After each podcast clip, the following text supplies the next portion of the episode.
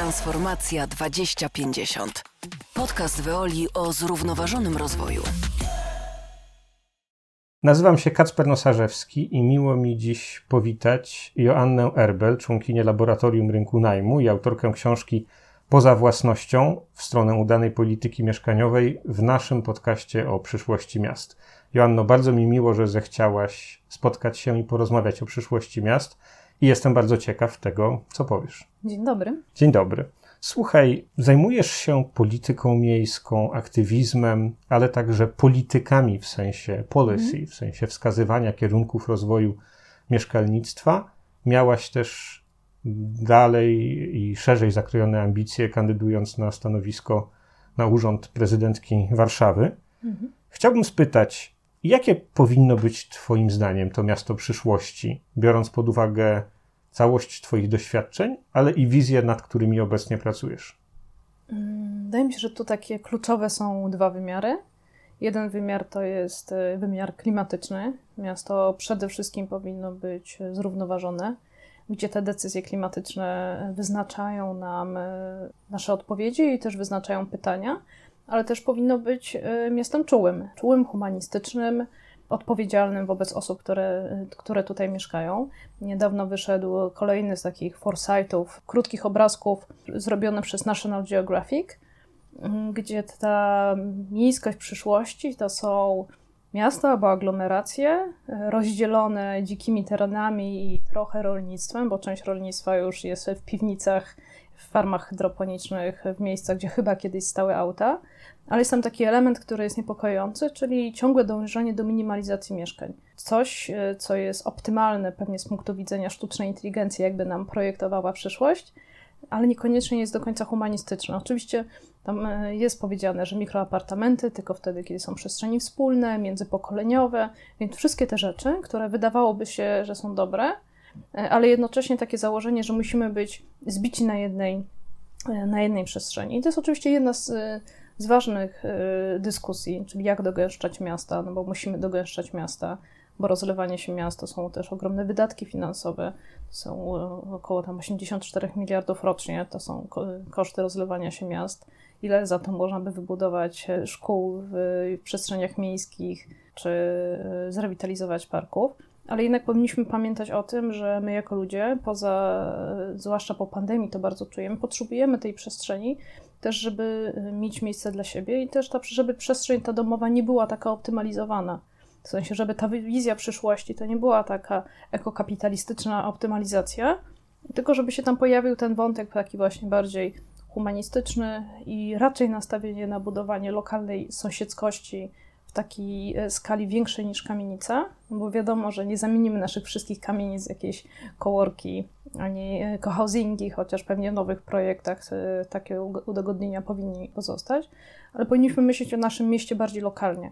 Więc e, tutaj dużo bliższe jest mi takie myślenie, które jest w Paryżu bardzo obecne, czyli e, miasta 15-minutowego. Zresztą Warszawa miała już pierwsze e, podejście do tej, do tej perspektywy, która zakładała, że każda okolica powinna mieć swoje centrum lokalne, gdzie w promieniu 15 minut spaceru, wolnego spaceru, czyli pewnie takiego spaceru, jak się idzie z dzieckiem za rękę albo wolnym krokiem, mamy wszystkie niezbędne usługi wszystko po to, żeby nie musieć używać auta w, w życiu codziennym. I to też ma swój wymiar gospodarczy, bo dla mnie przyszłość miast to też jest takie myślenie o lokalności, gdzie y, jeżeli mamy wybór, a w takim lokalnym, dobrze zaprojektowanym przestrzeni, tym 15-minutowych y, miastach będziemy mieć wybór, bo wszystko będzie blisko nas, będziemy mogli kupować rzeczy lokalne, co niekoniecznie zawsze będzie znaczyło, że trzeba tam fizycznie pójść, ale pewnie będzie to jakiś model hybrydowy.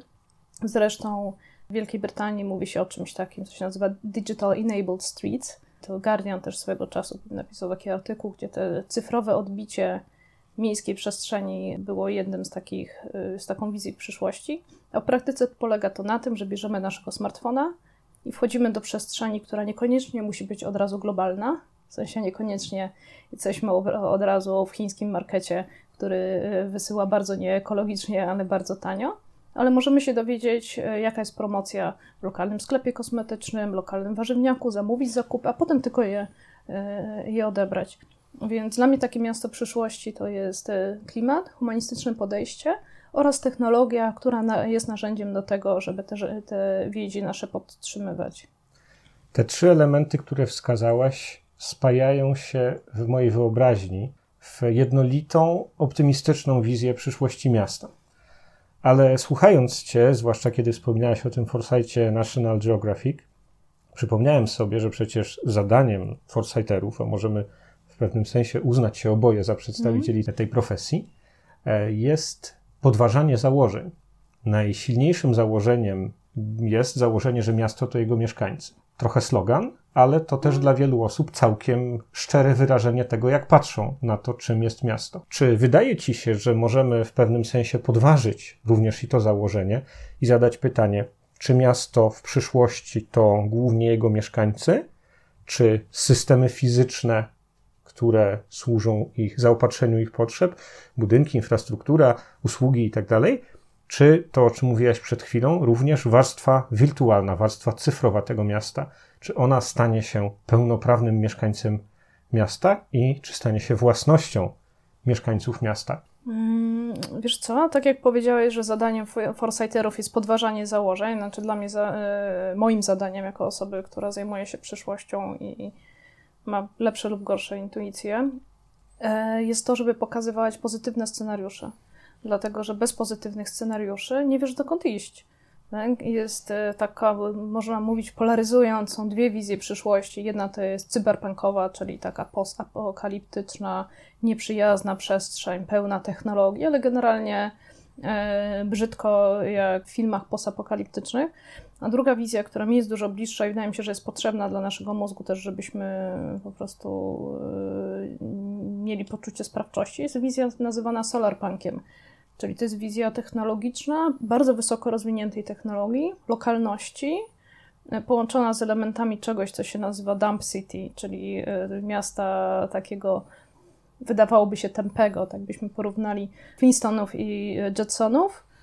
Tak, to Dump City to są Flintstonowie ze zwierzętami, które zjadają odpady jakimiś takimi lokalnymi, analogowymi rozwiązaniami a Jetsonowie to jest ten świat technologicznej przyszłości.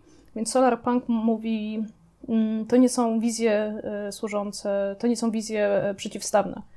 To znaczy, my wiedząc, jakie mamy potrzeby, jak chcemy ten świat kreować, a chcemy go kreować dobrze dla ludzi i dobrze dla środowiska, powinniśmy korzystać z dwóch skrzynek narzędziowych. I z tej hipertechnologicznej, i z tej niskotechnologicznej. I e, to już się dzieje, tak? Znaczy, bo mi jest bardzo bliskie stwierdzenie e, twórcy w ogóle cyberpunku Liama Gibsona, że przyszłość już tu jest, tylko nierówno rozdystrybuowana. I takim przykładem Dump City e, to są łąki kwietne. Bardzo piękna rzecz, kolorowa, bioróżnorodna, a jednocześnie jest to forma oszczędności. Tak? Czyli to jest taka forma inwestycji w utrzymanie zieleni, która jest niskokosztowa, dobra dla klimatu, a można by sobie wyobrazić alternatywną strategię pod tytułem e, pod wszystkie równo przystrzyżone trawniki, podciągnięcie infrastruktury do nawadniania sterowanej zdalnie albo docelowo przez sztuczną inteligencję, która będzie utrzymywała wszędzie trawnik ala pole golfowe. Technologicznie możliwe? Kompletnie bezsensowne. Tak? Z punktu widzenia tej, e, tej szerszej perspektywy. Więc mi się wydaje, że e, kwestia mówienia o przyszłości też wy, wymaga od tego, żeby wybrać, którą perspektywę chcesz reprezentować. Co więcej, uważam, że e, podejście krytyczne jest łatwe. W sensie jest to ścieżka na, na skróty, bo też wiadomo, że każdy projekt, który jest realizowany, jest e, niedoskonały. A wszyscy wiemy, że pionierzy i pionierki mają najtrudniej.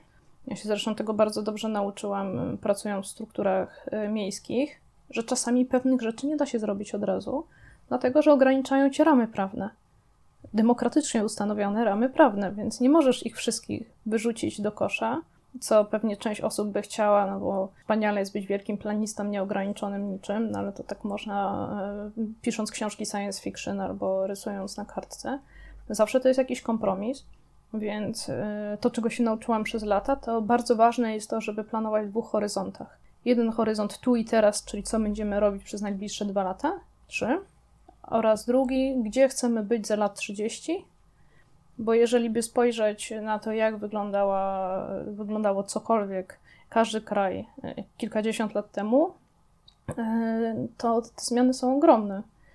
Miałam ostatnio taką też rozmowę o tym, czy mieszkania na wynajem e, się sprawdzą w przyszłości, bo przecież Polacy lubią własność i zawsze będą wybierali własność.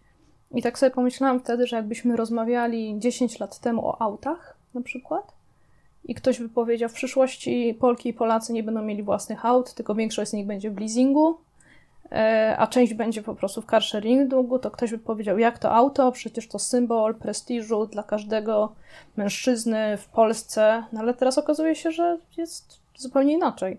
Ludzie potrzebują symboli prestiżu i takich fetyszy technologicznych, tak? tylko że one się zmieniają e, w, w czasie i e, to trochę od nas zależy, Mm, od osób w sensie projektujących też przyszłość, pokazywanie, że e, możemy zupełnie inaczej realizować swoje potrzeby. Jednym z takich marzeń o idealnym mieszkaniu, czy miejscu do zamieszkania, to jest domek na przedmieściach, z, gdzie dzieci biegają po trawniku. Tylko jakby to rozpakować, to trzeba się zastanowić, czego ludzie tak naprawdę chcą.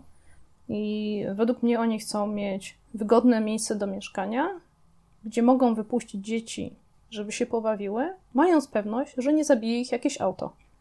Ale nie mówią, chcemy mieszkać w miejscu, gdzie dojazd do miejsca pracy będzie się wiązał z dwoma e, godzinami stania e, w korku w tej e, z powrotem, plus podwożeniem dzieci, plus byciem zależnym od planu rozkładu dnia dzieci, z konfliktami rodzinnymi w momencie, kiedy dzieci będą miały naście lat i będą się czuły uwięzione na tych przedmieściach. Tego, tego przecież ludzie nie chcą. Więc e, może tutaj odpowiedzią będą dobrze projektowane osiedla, gdzie każdy ma swój czas, jest bezpiecznie, szkoła jest za rogiem i dzięki temu cała rodzina ma trochę też czasu wolnego na spędzanie je wspólnie, niekoniecznie w samochodzie. Tak? No bo ja jako dziecko dojeżdżałam do szkoły codziennie pół godziny i e, wyobrażam sobie lepsze sposoby spędzenia wolnego czasu, choćby z rówieśnikami.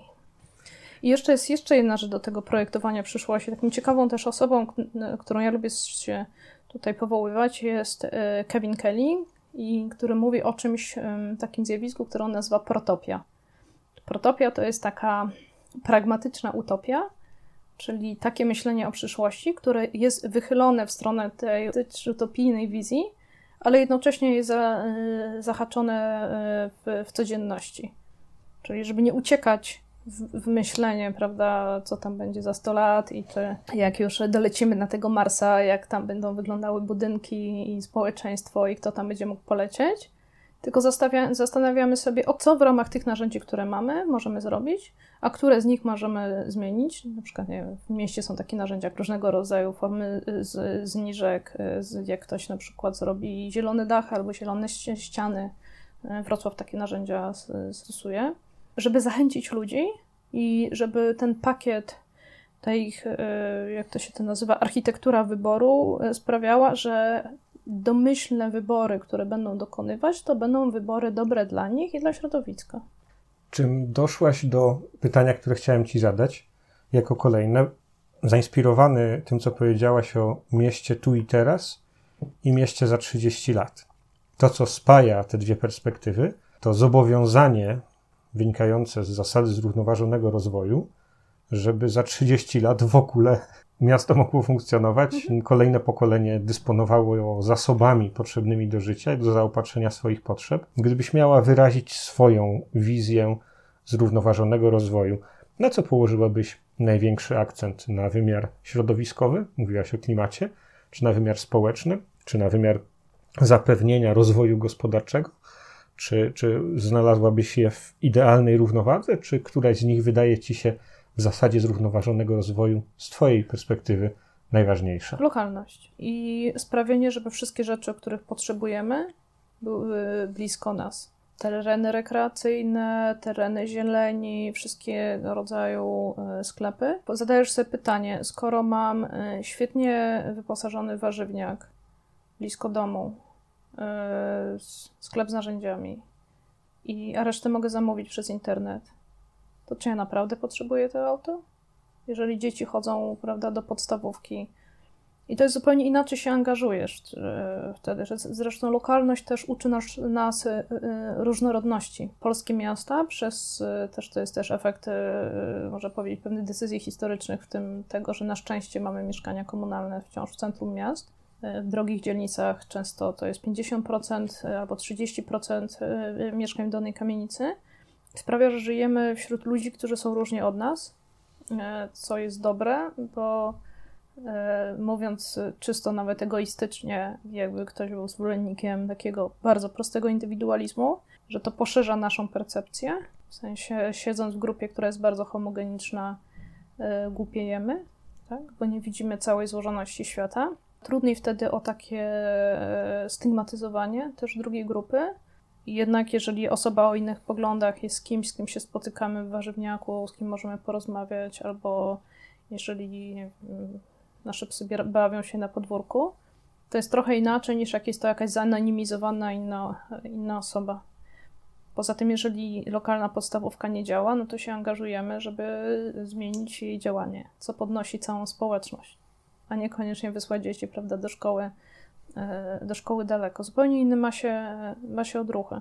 Poza tym też e, lokalne społeczności są bardziej odporne na kryzys. To zresztą było widać w czasie COVID-u, jak się zaczęły pojawiać te wszystkie grupy typu widzialna ręka, e, kartki, że ktoś komuś zrobi zakupy albo komuś pomoże. I zaczęliśmy doceniać e, to, że bycie wśród ludzi, z których przynajmniej część jest życzliwa, podnosi naszą jakość życia albo może być gwarantem w ogóle przeżycia, bezpieczeństwa, tak? Znaczy tego, że nie zostaniemy sami w kryzysowej mm, sytuacji.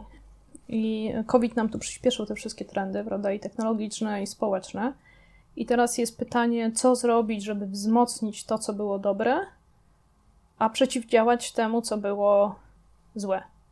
Zły jest nadmiar śmieci. I to, w jaki sposób firmy pakujące opakowania pakują swoje mm, produkty. Tak? Dobre jest budowanie sąsiedzkości. Dobre jest to, że się nauczyliśmy, że technologia może być naszym sojusznikiem. Więc y, jeżeli się, ja myślę o przyszłości, no to robię sobie właśnie taką checklistę. I na przykład dobrą rzeczą było to, że z, polityki mieszkaniowej, taka rzecz, o której mało się mówi, że po raz pierwszy od czasu transformacji rząd uznał, że prywatny rynek najmu to jest coś, co jest przedmiotem zainteresowania. Bo po pierwsze pojawił się zakaz eksmisji, tam y, y, napisany ładnie jako zakaz rozwiązywania umów i automatyczne przedłużanie umów najmu. A druga rzecz, pojawiła się pula dopłat dla osób, które spełniały E, warunki dla dopłat do mieszkań komunalnych, co w praktyce znaczyło, że jak ktoś stracił pracę, no to e, rząd widział, że oho, są osoby na komercyjnym rynku najmu, które są w terapatach, może im pomożemy. Wcześniej w ogóle nie było takiej dyskusji. I to są takie e, drobne rzeczy, z których można po prostu szyć kolejne rozwiązania. W sensie tworzenie przyszłości to jest patchwork. Zresztą ja też mam Mm, dlatego tak bardzo dużo mówię o tej pozytywnej wizji przyszłości, bo ja mam wrażenie, że y, przyszłość to jest coś, co się materializuje z każdego dnia. Na czym codziennie dokonujemy pewnych wyborów strategicznych, y, a czasami mniej strategicznych, błahych. I że żyjemy w, w tak, rzeczywistość polega na tym, że żyjemy w różnych potencjalnych scenariuszach. I w zależności od tego, ile osób będzie wspierało który scenariusz, to coś, co może być całkiem niszowe, może wejść do mainstreamu. Zwłaszcza tutaj w Polsce, która jest bardzo ciekawą przestrzenią, gdzie te innowacje zaskakują w sposób e, zadziwiający, nawet osoby je wprowadzające. Pewnie pamiętasz, jak się pojawiły rowery Veturilo i było dużo dyskusji wówczas, czy nie jest za wcześnie, nie ma infrastruktury drogowej, kto będzie na tym jeździć i tak dalej. Potem się zresztą chyba okazało, że nawet firma Nextbike, która wprowadzała te rowery, nie doszacowała zainteresowania ten popyt był tak duży, że trzeba było co chwila te rowery serwisować. I nagle okazało się, że Warszawa stała się bardzo przyjazną, nie we wszystkich oczywiście miejscach, mogliby odśnieżać zimą. To jest kolejna tam strategiczna decyzja, którą podejmujesz. Tu akurat prezydent miasta podjął ją źle. Nie odśnieżając ścieżek rowerowych zimą, w momencie, kiedy wszystkie jezdnie były e, odśnieżone, podjął decyzję, że jeżeli musicie czymś jechać, to jednak autem. E, drugą taką kwestią było to, że Warszawa nagle w ciągu dwóch lat stała się jedną z wegańskich stolic e, na świecie. W kraju, gdzie wszyscy w domu jedzą schabowe i klopsiki. Coś z punktu widzenia, prawda, futurologa, futurolożki, badającego statystyczny obraz, kompletnie nie do pomyślenia. No tutaj nagle okazało się, że część osób y, stwierdziła, że będzie radykalnie wege, a wystarczająco duża część społeczeństwa y, uznała, że hm, to jedzenie jest smaczne, lubimy różnorodność, w sumie jest zdrowe, nie chcemy męczyć zwierząt, więc poszli na dietę, która się nazywa fleksitariańska. No i to są takie rzeczy, które są y, bardzo ciekawe, które pokazują, jak dawanie ludziom możliwości dokonywania dobrych wyborów zupełnie zmienia, e, zupełnie może zmienić, e, zmienić przyszłość. Zaczęłaś już mówić nieco przez pryzmat transportu o usługach świadczonych w interesie publicznym. To kategoria zarówno prawna, jak i kategoria całkiem życiowa. Nie wszystko zawsze musi być poddane bezwzględnie czysto rynkowej grze. Są pewne usługi, pewne zasoby, które muszą być udostępniane sposób e, biorący przede wszystkim pod uwagę możliwości ich odbiorców. W tym Twoim mieście przyszłości, jak zorganizowane byłyby takie usługi jak energia, mam na myśli zarówno ciepło, mhm. jak i elektryczność, zagospodarowanie odpadów, dostawy wody, transportu. Mhm. Nie musimy patrzeć na nie bardzo analitycznie. Czy widzisz jakąś spójną, jakiś wspólny mianownik dla usług świadczonych w interesie publicznym w miastach, zwłaszcza tych tak zwanych mediów, który jest spójny z Twoją wizją miasta klimatycznego, czułego i technologicznego? No tutaj można powiedzieć, że to jest jakaś taka y, polityka opłatowa, fiskalna. Tak? Znaczy, jeżeli y, w końcu będzie tak, że za segregowane śmieci będziemy płacić mniej, realnie mniej i będzie można przypisać je do każdego gospodarstwa domowego, to sądzę, że Polki i Polacy zaczną te śmieci bardzo dobrze segregować. No bo dziś mamy Takie... system, w którym to na poziomie wspólnoty mieszkańców e, rozliczane są trochę na zasadzie odpowiedzialności zbiorowej te... Mm, Co więcej, nie da się przekonać MPO, czy tam w ogóle bardzo trudno e, jest pójść z takim założeniem, że jak śmieciarze ustawiają kosze na śmieci, to że pierwszy od chodnika od wejścia powinny być śmieci zmieszane. Czyli żeby jak w praktyce e, kogoś nie interesuje segregowanie śmieci, uważa, że to jest system bezsensowny, to żeby pierwszy kosz, który otworzy, był ten, którego można wrzucać wszystko, a nie na przykład kosz z papiera. Tak? Który jest w sumie najbardziej delikatny, bo wtedy, tak. kiedy jest zatłuszczony albo tak. E, zamoczony, traci swoją wartość jako odpad nadający się do ponownego wykorzystania. Tak czy jako surowiec już, bo w momencie, w którym trafia do tego systemu, traci na swojej odpadowości, a, a zyskuje na możliwości ponownego wykorzystania. Tak, wrzucenie do szkła. I właśnie taką sytuację mam pod swoją własną kamienicą, co mnie prywatnie osobiście frustruje. Fajnym rozwiązaniem są te wszystkie recyklomaty. Teraz jedna z, z sieci e, z, będzie pozwalała zbierać punkty za e, recyklowanie E, recyklowanie butelek to jest e, ciekawym pomysłem. Pewnie pamiętasz, że w pewnym momencie, jak się kupowało piwo, czy jakąś muszyniankę, czy, czy nie muszyniankę, jakieś tam piwniczanki, inne wody, to trzeba było mieć paragon, żeby ci pani, prawda, w sklepie tą skrzewkę, zgrzewkę odebrała. To jest podejście bardzo pragmatyczne, ale sprowadza się do tego samego. To znaczy, oddajesz szkło, plastik, tak, z, a z powrotem dostajesz jakieś bony, tak, co jest bardzo fajną formą zachęty również dla dzieciaków, no bo wyobrażam sobie, że dzieci chcąc może go uzbierać na dodatkowe kieszonkowe, będą na przykład chodziły po sąsiadach i sąsiadkach z prośbą, żeby za nich wyrzucili, prawda, śmieci. Bardzo takie drobne, drobne rzeczy. Co do energii, ja mam nadzieję, że w przyszłości w ogóle przejdziemy na taki system w ogóle tokenizacyjny, e, gdzie poza obrotem złotówkowym będzie też obrót, e, inna forma obrotu energii, bo pieniądz to jest energia, tak, tylko zmaterializowana, ale można też sobie wyobrazić e, tokeny, gdzie wymieniasz robienie zakupów w sąsiadce na zniżkę na kawę w lokalnej kawiarni, zwłaszcza jak jest w lokalu miejskim.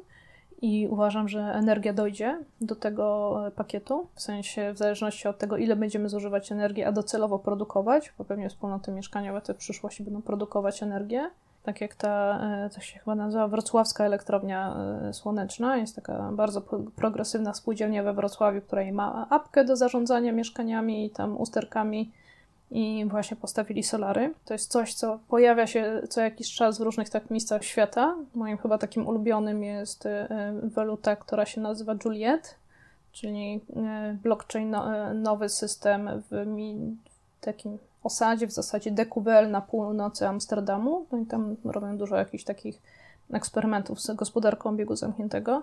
Więc dla mnie energia przyszłości to jest coś, co będzie po prostu stokanizowane, czym będziemy mogli się wymieniać między sobą yy, i będziemy yy, wiedzieć dokładnie, ile rzeczy yy, kosztują. W tym momencie te wszystkie takie smart livingowe rozwiązania pod tytułem wstawianie jakichś przejściówek, żeby wiedzieć, ile zużywa nasza pralka, czy piekarnik, czy innego, in, innego tego typu rozwiązania, to jest pierwszy krok. No docelowo my będziemy żyć w jakimś takim obiegu, gdzie, mhm. gdzie to będzie y, podobnym dobrem. Trochę taką obietnicę przynoszą sieci inteligentne i cyfryzacja energetyki. Na koniec chciałbym wrócić na Twój teren macierzysty, czyli do mieszkań, mieszkalnictwa, polityki mieszkaniowej. Jaka koncepcja, czy jaka wizja wspiera to Twoje miasto przyszłości? Jaka, jaka wizja mieszkalnictwa jest z nią spójna? Wiesz co, to jest y, bardzo bliskie temu wątkowi, y, który poruszyliśmy wcześniej, y, czyli wizja mieszkalnictwa jako czegoś, tam w ogóle polityki mieszkaniowej, która jest polityką publiczną. Kwestia mieszkaniowa nie jest czymś, co jest Twoim prywatnym zmartwieniem, tylko jest czymś, co jest w interesie publicznym. Teraz jest tak, że żyjemy w systemie, gdzie e, przez ostatnie 30 lat e, dominującym paradygmatem było to, że trzeba mieć mieszkanie na własność. Teraz powoli to się zmienia. I to z, z, z, dwóch powodów. No, jeden powód jest taki, że te mieszkania drożeją, a drugi powód jest taki, jeszcze to COVID to wzmocnił, to jest to, że kolejne pokolenia wchodzące na ścieżkę dorosłości nie będą miały możliwości kupienia mieszkania na własność z dwóch powodów. Po pierwsze, wkład własny jest wysoki, a po drugie, te młode osoby są w dużej mierze na samozatrudnieniu. W sensie, więc nie można porównywać doświadczenia osób urodzonych w połowie lat 70 między połową lat 70. a końcówką lat 80. do sytuacji osób, które urodziły się na przełomie wieku, które e, będą potrzebowały mieszkań na wynajem. Część z tych mieszkań to będą mieszkania wynajmowane im przez pokolenie wyżu demograficznego nazywanego baby, boomersem, baby boomersami, czyli tego pokolenia, które tworzyło ramy transformacji, więc skorzystało na nim najwięcej. Zwykle e, jeżeli ktoś należy do klasy średniej, to ma co najmniej jedno mieszkanie często więcej niż jedno, które potem podnajmuje. Tak? I to są takie rzeczy, których nie widać w statystykach, bo te wszystkie mieszkania, które teraz idą na wynajem, są w statystykach jako mieszkania własnościowe. Tak? Tylko jak sobie odpowiesz na pytanie, po, po co, co ktoś robi z pięcioma mieszkaniami własnościowymi, e, w momencie, kiedy e, mieszka w jednym, a pewnie dzieci drugim, e, to już wie, że te mieszkania są wynajmowane. Więc dla mnie po prostu y, mieszkalnictwo przyszłości to jest y, pytanie o mieszkalnictwo przyszłości, to jest próba odpowiedzenia sobie na pytanie, jak ludzie powinni mieszkać w 2050 roku i spokojnego dążenia do tego. I ja zakładam, że wtedy będzie system mieszany, e, będzie system najmu, sprofesjonalizuje się najem mieszkań, wynajem mieszkań indywidualnych, plus wejdą aktorzy instytucjonalni, Zresztą teraz raporty pokazują, że po raz pierwszy e, kupujący instytucjonalny fundusze kupują więcej niż indywidualnie ludzie. Często baby boomersi, którzy będą mieli w ten sposób dochód do emerytury, co jest racjonalnym zachowaniem z ich perspektywy. Więc ja bym chciała, żebyśmy tak zaprojektowali naszą przyszłą racjonalność, żeby e, możliwe było to, żeby ludzie nie płacili więcej niż 30% swoich dochodów na mieszkanie, co jest takim progiem, progiem dostępności. I można to robić na dwa sposoby. Jeden sposób to jest budować e, miejskie mieszkania e, i w tym kierunku idą e, rozwiązania proponowane przez Ministerstwo Rozwoju, które dało tam duże wsparcie TBS-om, które się teraz nazywają Społeczne Inicjatywy Mieszkaniowe. A druga rzecz to jest pakiet dopłat, który w praktyce wyobrażam sobie tak, że ty jako prywatny właściciel wynajmujesz mieszkanie za pewną cenę, która jest uregulowana, to znaczy nie możesz wiecznie spekulować, ale w zamian za to, jeżeli twojemu lokatorowi lub lokatorce powinie się noga, to państwo mówi, damy dopłatę. Taką siatkę bezpieczeństwa. Siatkę bezpieczeństwa, która dla właściciela lub właścicielki mieszkania jest formą zarządzania ryzykiem. Bo wiadomo, że utrata lokatora to remont, kilka niezapłaconych czynszów. Jak osoba jeszcze przez trzy miesiące wcześniej nie płaciła, to e, są to duże sumy, które mogą, może niekoniecznie y, mogą rekompensować y, podnoszenie, windowanie po prostu cen. Dziękuję Ci, Anno, że chciałaś podzielić się swoją wizją miasta przyszłości i poszczególnych jego systemów, które rzeczywiście w sposób, jaki to przedstawiłaś, integrują się w stronę spójnej i pozytywnej, optymistycznej, zachęcającej wizji, e, do której chciałoby się zaprosić bliską osobę, żeby w takim mm. mieście przyszłości mieszkała. Mam nadzieję, że w takich miastach przyszłości przyjdzie nam żyć. Dziękuję Ci bardzo. Dziękuję. To już wszystko w dzisiejszym wydaniu podcastu Transformacja 2050. Do usłyszenia za dwa tygodnie. Podcastu Transformacja 2050 możecie słuchać na popularnych platformach podcastowych takich jak Spotify, iTunes, Google Podcast i SoundCloud. Każdy odcinek jest też dostępny na stronie transformacja2050.pl, gdzie znajdziecie niepublikowane nigdzie indziej wywiady, rozmowy z ekspertami, materiały eksperckie poświęcone transformacji energetycznej i zrównoważonemu rozwojowi.